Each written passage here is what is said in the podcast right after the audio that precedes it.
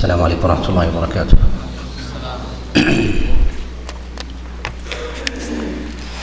الحمد لله رب العالمين وصلى الله وسلم وبارك على نبينا محمد وعلى آله وأصحابه ومن تبعهم بإحسان إلى يوم الدين. أما بعد ففي هذا المجلس في الثامن من جماد الآخرة عام خمس وثلاثين بعد الأربعمائة والألف نكمل كلامنا على قول الله سبحانه وتعالى ولا تنكحوا ما نكح آباؤكم من النساء.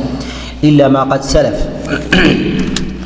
وتكلمنا على شيء من أحكام هذه الآية في المجلس السابق وتكلمنا أيضا على أصل التحريم في هذه الآية أن الله عز وجل إنما حرم إنما حرم النكاح والمراد بالنكاح هو ما يعقد عليه من الوضع وهذا هو المقصود من هذه الآية وهو المقصود عند الإطلاق في كلام الله سبحانه وتعالى.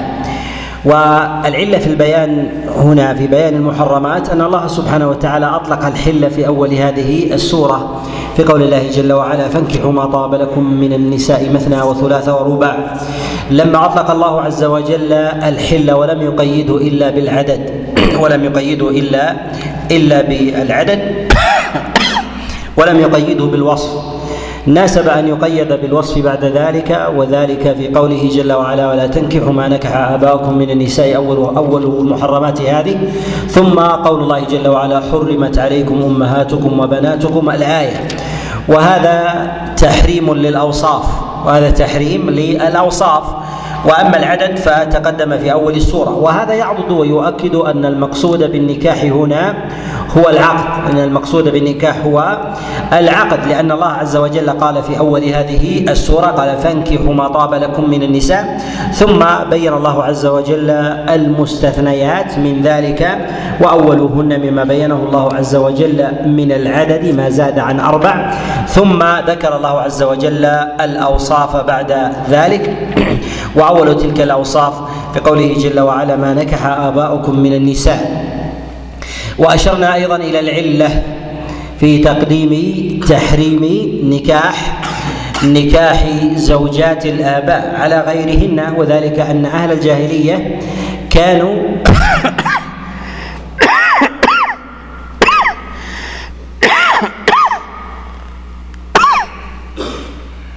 وذلك أن أهل الجاهلية كانوا يستهينون بنكاح زوجات آبائهم بل كانوا يعظمون الابن الذي يتزوج امرأة أبيه بعد موته برا به ووفاء برا به ووفاء. فكان ذلك امرا معظما ثم جاء النص ببيان ببيان خطورة ذلك. والتشنيع على فاعله وأكد ذلك بجملة من المؤكدات منها تصدير النهي ومنها أن الله عز وجل قال بعد ذلك إنه كان فاحشة ومقتا وساء وساء سبيلا في مقابل التشريع في مقابل التشريع. وذكرنا أن في هذه الآية أيضا من المعاني أنه ينبغي للمصلح ينبغي للمصلح أن يقدم وأن يصدر في إصلاحه. ما فرط فيه من جانب الشريعة ولو كان مفضولا ولو كان مفضولا وأن ما يهتم به ويحفظه الناس ولو كان فاضلا يقلل يقلل الأمر فيه لحفظ الناس فيه إلا أنه لا يتركه إلا أنه لا يترك الكلام الكلام فيه. فإن الله سبحانه وتعالى قدم قدم تحريم نكاح أمهات الآباء زوجات الآباء مع أن الله عز وجل عظم نكاح الأم والبنت والأخت وجعل ذلك أيضا من من الموبقات جعل ذلك من الموبقات. وفي هذه الآية الله سبحانه وتعالى وصف نكاح أمهات نكاح زوجات الآباء وصفا أعظم وأشد من نكاح الأمهات من نكاح الأمهات والبنات. وهذا إلى ما توطنت إليه إلى ما توطنت إليه النفوس. وهذا إشارة إلى أن ما عظم في الطبع يخفف فيه يخفف فيه نص الشرع يخفف فيه نص نص الشرع.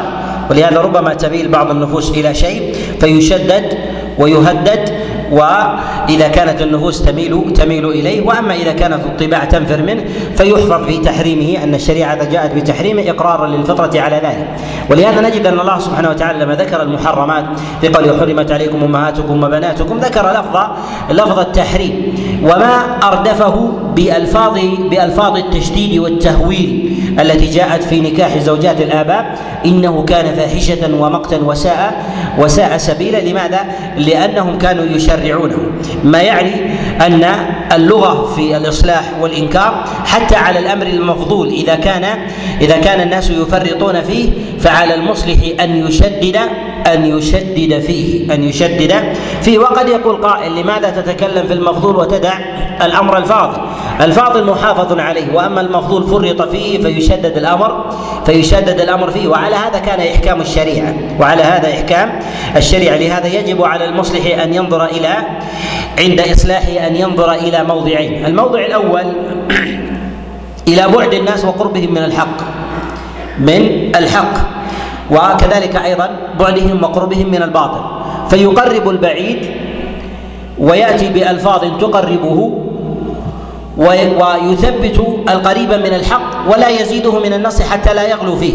حتى لا يغلو فيه. فيوازن بين بين الأمرين، الأمر الثاني أن ينظر إلى تفاضل الأحوال والأحكام والحدود بالنسبة للشريعة، بالنسبة للشريعة، فلا يقيم الأحوال والأحكام والأخطاء على أهواء الناس، على أهواء الناس، الشريعة جاءت بأمور متفاضلة، هذه أفضل من تلك وهذه اعظم أعظم من تلك.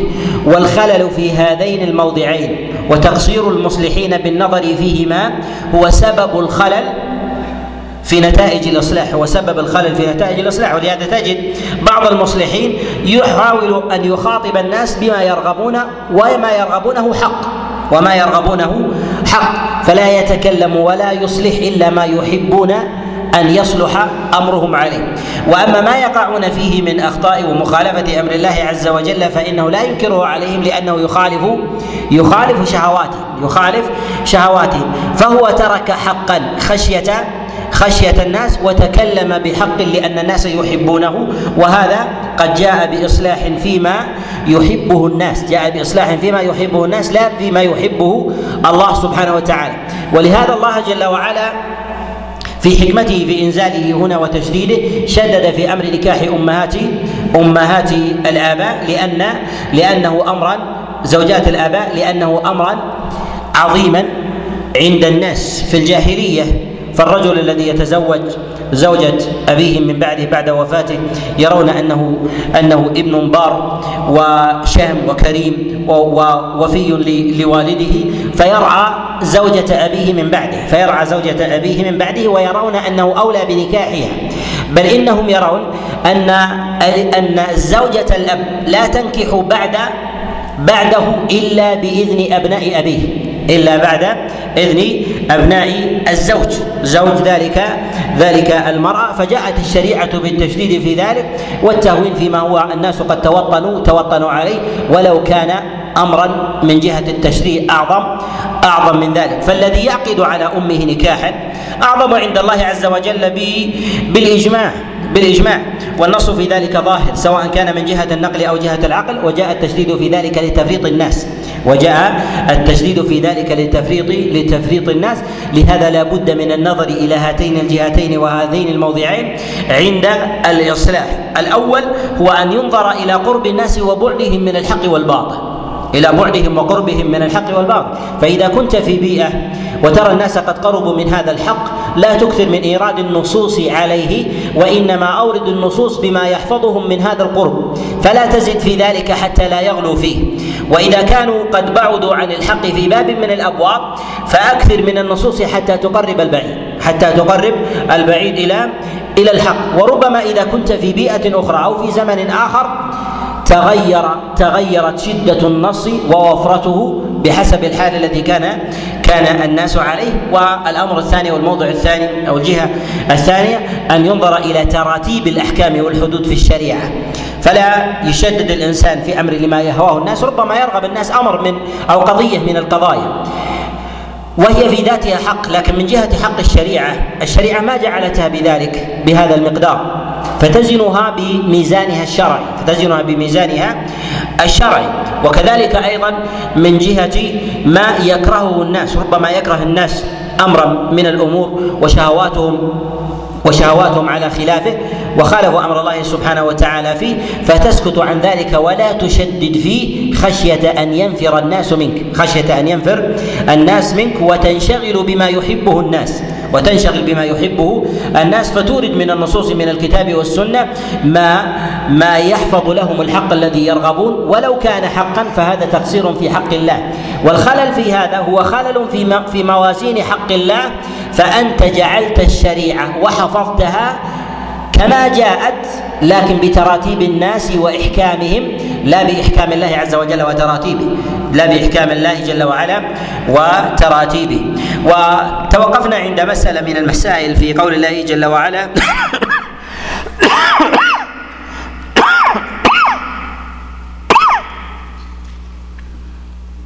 في قوله جل وعلا إلا ما قد سلف.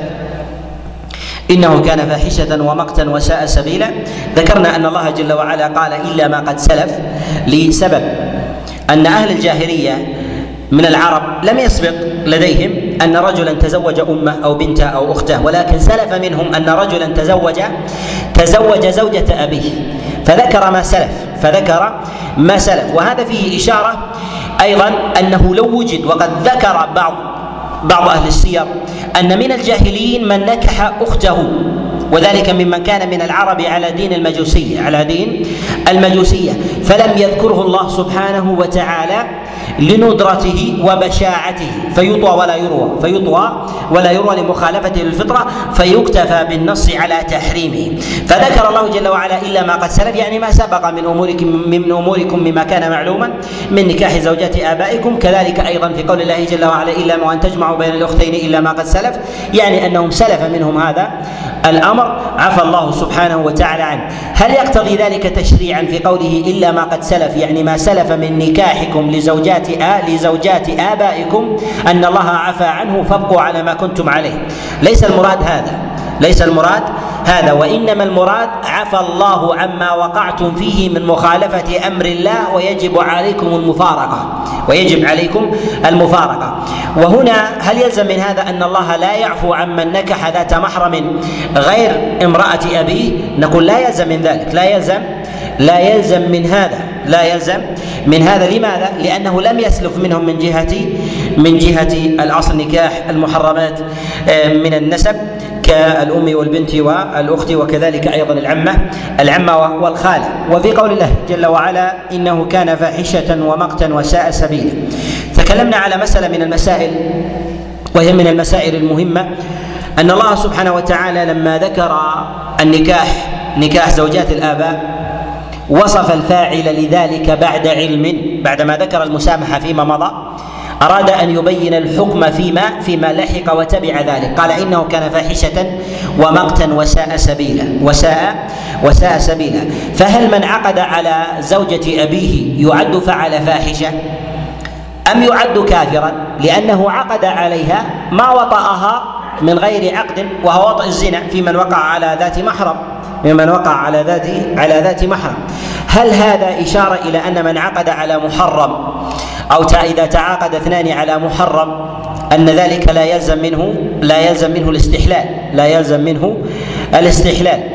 وذلك أن الله عز وجل ذكر من عقد على امرأة أبيها وصفه بالفحش وصفه بالفحش وأنه قد ارتكب فاحشة ومقتا وساء سبيلا وساء سبيلا. ولو كان كافرا على قول بعضهم ولو كان كافرا لما وصفه الله بذلك واكتفى بوصفه بالكفر لأن الكفر أعظم من وصف من وصف الفحش والمقت من وصف الفحش والمقت وإن كان الكفر يتضمن ذلك. ولكن الفاحشة لا تتضمن الكفر بالضرورة لا تتضمن الكفر الكفر بالضرورة.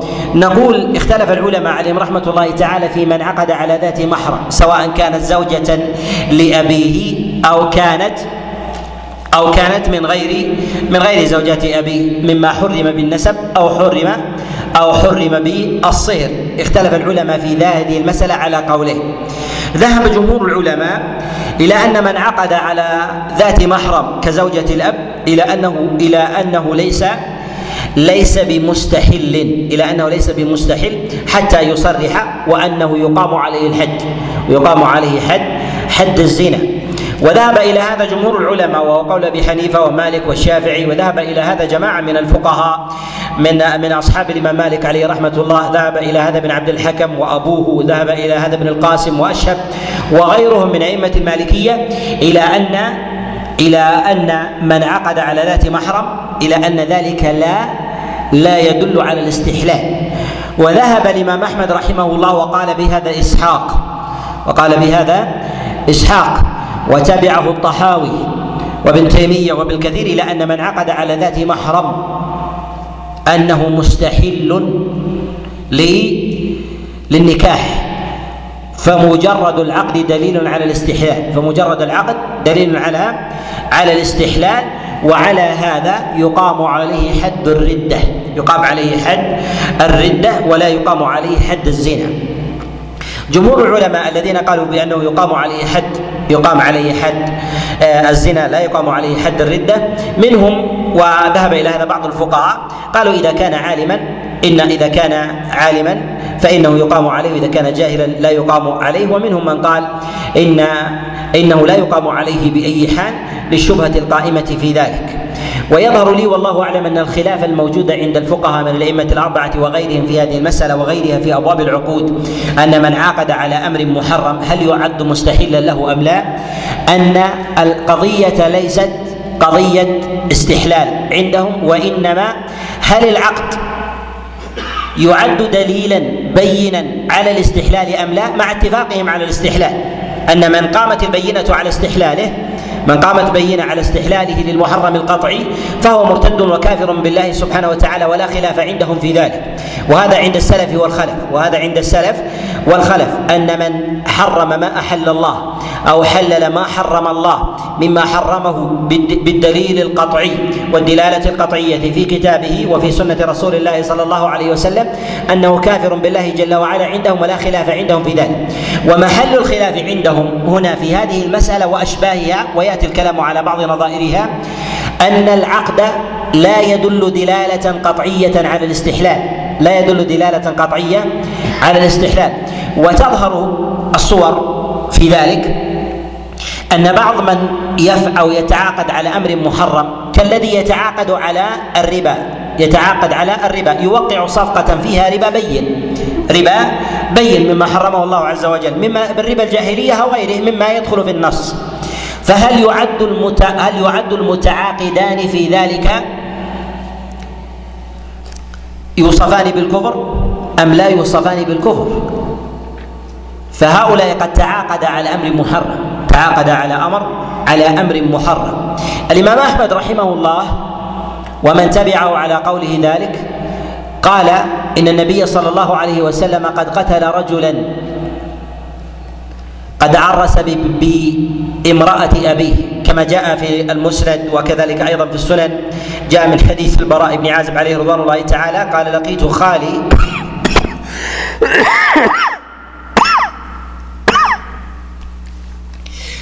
قال لقيت خالي وفي رواية عمي وقد عقد رسول الله صلى الله عليه وسلم له لواء أن يقتل رجلا قد عقد دخل أو عرس بامرأة أبيه. وهذا الحديث قد رواه عن البراء علي بن ثابت ورواه كذلك أبو الجهم. وقد أخرج هذا الحديث بألفاظ متعددة أهل السنن من حديث البراء أيضا عن رسول الله صلى الله عليه وسلم.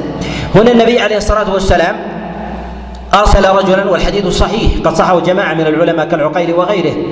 وأرسل رجلا إلى أن يقتل رجلا عرس أو عقد بامرأة أبيه. القتل هنا هل هو للتعزير أم للاستحلال؟ ظاهر ذلك أنه للاستحلال. ظاهر هذا أنه أنه للاستحلال. فالنبي صلى الله عليه وسلم قد عد عقده على امرأة أبيه استحلالا. فهل يقع هذا على كل عقد؟ تعاقد فيه رجلان على أمر محرم؟ فيكونان قد استحل نقول لا. وتحرير هذه المسألة أولا أن نحكي اتفاق العلماء على أن من حرم من حرم ما أحل الله أو أحل ما حرم الله وظهرت بينة على ذلك أنه كافر بالله سبحانه وتعالى. وأن من جعل في أحد من الناس حقا أن يحكم ويشرع للناس تحريما وتحليلا ولو خالف أمر الله سبحانه وتعالى فهو كافر بالله جل وعلا الجاعل والمجعول له. إذا كان عالما وأن هذا هو اتخاذ أولئك أربابا من دون الله جل وعلا كما في قوله سبحانه وتعالى اتخذوا أحبارهم ورهبانهم أربابا من دون الله. قد روى الترمذي وابن جرير الطبري من حديث عدي بن حاتم عليه رضوان الله قال أتيت إلى رسول الله صلى الله عليه وسلم فسمعته يقرأ قول الله جل وعلا اتخذوا أحبارهم ورهبانهم اربابا من دون الله. قال فقلت يا رسول الله إنا لا نعبدهم. فقال النبي صلى الله عليه وسلم أوليس إذا حرموا ما أحل الله؟ حرمتموه وإذا احلوا ما أحل ما حرم الله احللتموه قال نعم. قال فتلك عبادته. وهذا وهذا شرك التشريع. وهذا شرك شرك التشريع. وهذا مما لا خلاف فيه. وهو من أسباب الكفر التي وقع فيها بنو إسرائيل في احبارهم ورهبانهم كما في قول الله جل وعلا يا أهل الكتاب تعالوا إلى كلمة سواء بيننا وبينكم ألا نعبد إلا الله ولا نشرك به شيئا ولا يتخذ بعضنا بعضا أربابا من دون الله. يعني لا تتخذون مشرعين ولا أن نتخذكم أيضا مشرعين من دون الله عز وجل وإنما الله جل وعلا يقضي بيننا وبينكم ويقضي لنا ولكم. يقضي بيننا وبينكم ويقضي لنا ولكم. فمن جعل شيئا من ذلك لغير الله جل وعلا أو جعله لنفسه فهو كافر بالله سبحانه وتعالى. وهذا مما لا خلاف فيه عند عند العلماء. وإنما الخلاف عند العلماء في الدلالة على الاستحلال والدلالة على التشريع. في الدلالة على الاستحلال. وأهل العقود التي تكون بين المتعاقدين على أمر محرم دليل على التشريع أم لا؟ وما توجيه حديث البراء. وما توجيه حديث البراء في هذا في هذا الباب. نقول إن من حمل حديث البراء في هذا على أن رسول الله صلى الله عليه وسلم أقام عليه القتل وحد الردة فقطعا إنه يحمل ذلك على أن العاقد قد استحل. عاقد بعينه. فهل يحمل هذا على جميع العقود أم لا؟ الإمام أحمد رحمه الله على ما تقدم ومن تبعه كإسحاق حملوه على الاستحلال. والاستحلال لا بد أن يسبقه العلم. جاء في مسائل عبد الله أنه قال سألت أبي عن حديث البراء في الرجل الذي قتل أمر النبي عليه الصلاة والسلام بقتله لما عرس بامراه أبيه. فقال أراه استحل ذلك. قال أراه استحل استحل ذلك. يعني فأمر النبي عليه الصلاة والسلام بقتله. جمهور العلماء لم يروا أن العقد أن العقد استحلالا. ولو قامت البينة على أنه استحلال ما قالوا؟ ما قالوا بذلك. اذا الخلاف عند العلماء هل العقد بين المتعاقدين استحلال أو لا يكون أو لا يكون استحلالا؟ وهذا مرده إلى القرائن مرده إلى القرائن. وعلى هذا نقول إن الإمام أحمد وجمهور العلماء لا خلاف عندهم في هذه المسألة أن من عقد على أمر محرم مستحلا له وأراد بذلك الاستحلال أنه كافر أنه كافر بالله سبحانه وتعالى. ولو قام فيه هذا الأمر وتجويزه ولو لم يباشر ذلك الأمر فهو كافر بالله جل وعلا أيضا وكافر بالله سبحانه وتعالى أيضا. وإنما ضعفت القرينة عند الجمهور وقويت عند الإمام أحمد رحمه الله في من تعاقد على أمر محرم. والمحرمات في ذلك تتباين. والمحرمات في ذلك تتباين. والقرائن في المتعاقدين أيضا تتباين. هناك هناك من المتعاقدين من يتعاقد على أمر محرم وتقوم البينة على أنه ما أراد استحلالا على هذا لا يكفر. ولا يقام عليه حد الردة. كيف يكون هذا؟ القرائن التي تعرف فيها حال المتعاقدين أنه ما أراد الاستحلال. من القرائن أن يكون دافعه الشهوة فلا يحصل عليها إلا بالعقد. فلا يحصل عليها إلا إلا بالعقد. كيف تكون الشهوة؟ رجل يريد أن يتعامل بالربا يريد أن يبحث عن صفقة صفقة ربا. فذهب إلى السوق وبحث عن مرابي يعطيه مالا بالربا. فما وجد إلا من يريد أن يضمن حقه بعقد وشروط فهل يكفر هذا أو لا يكفر؟ يكفر ولا يكفر؟ لا يكفر. لماذا؟ لأن القرينة قد قامت على أنه أخذ المال شهوة الاستحلال. لأن هذه الشهوة وشهوه المال لو تحققت له بلا عقد لأخذ المال لأخذ المال. ومثله الزنا أيضا.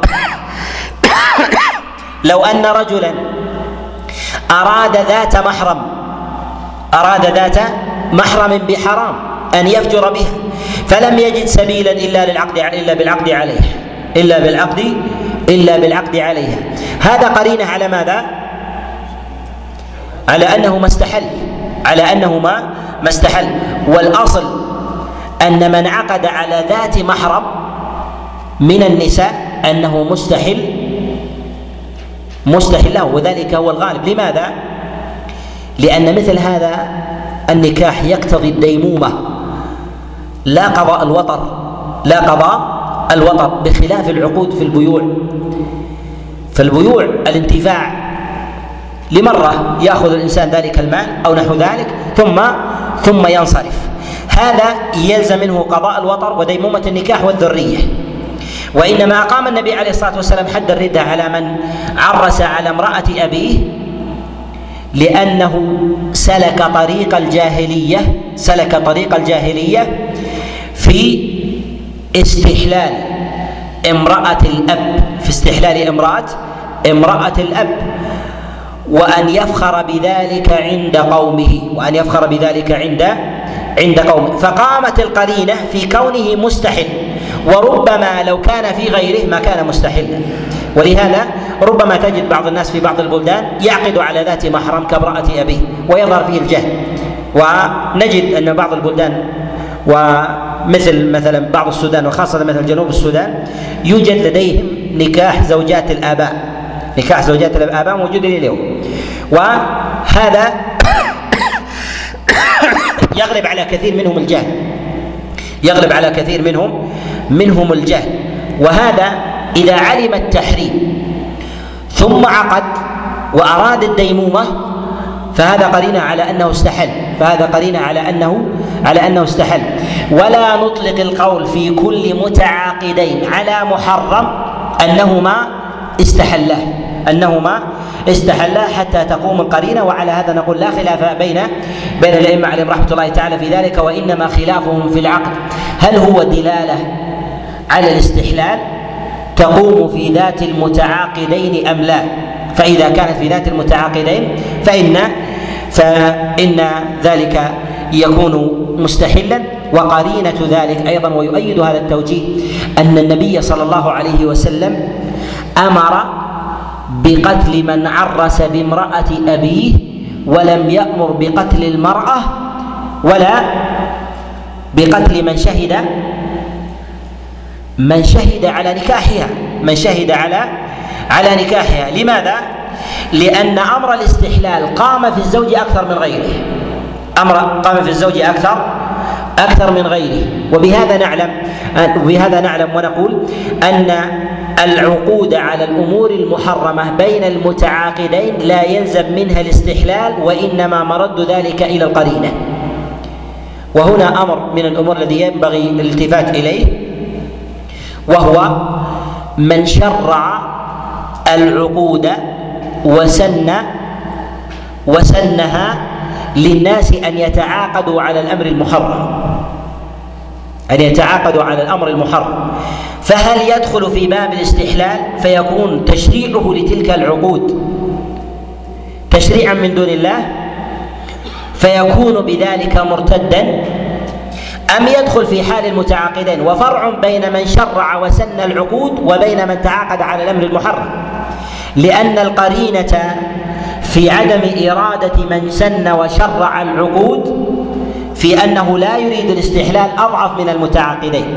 لماذا؟ لأن الشهوة لا تقوم فيه كحال المتعاقدين. الذي يتعاقد بالربا الشهوة فيه أنه يريد تحصيل المال. الذي يتعاقد على الزنا الشهوة فيه ظاهرة. أما من يسن ويشرع ذلك فإن الشهوة فيه ضعيفة والقرينه فيه أقوى. ولهذا نقول إن الأصل في من شرع وسن العقود التي تحل الحلال وتحرم الحرام أنه كافر بالله سبحانه وتعالى أنه كافر بالله جل وعلا. وهذا على قول أحمد من باب أولى وهذا على قول أحمد من باب من باب أولى.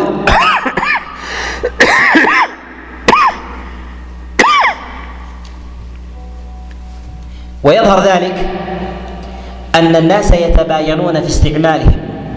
منهم من يعقد على ذات محرم شهوة ومنهم من يريد نكاحا وطول أمد وولادة ومنهم من يعقد الأمر على الربا شهوة بالمال ومنهم من يريد من يراه تشريعا ومنهم من يعقد أو يضع العقود بينه وبين أحد لشراء الخمر. كحال الرجل مثلا في بلد من البلدان يريد أن يشتري خمر.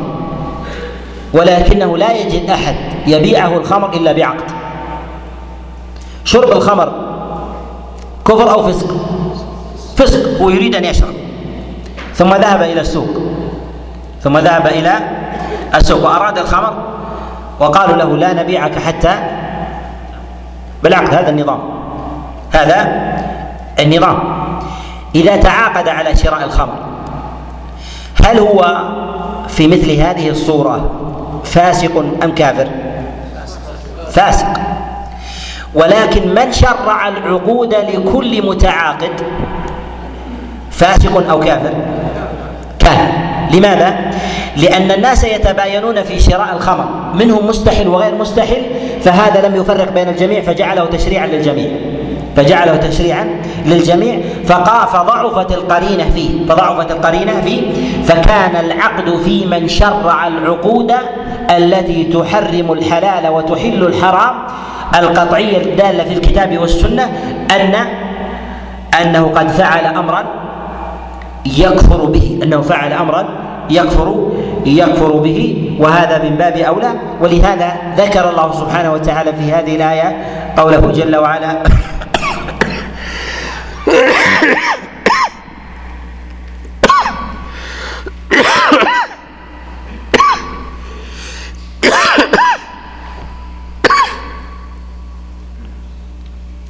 ولهذا ذكر الله جل وعلا قوله جل وعلا إنه كان فاحشة ومقتا ومقتا وساء سبيلا لعدم تمحض لعدم تمحض الكفر بين المتعاقدين.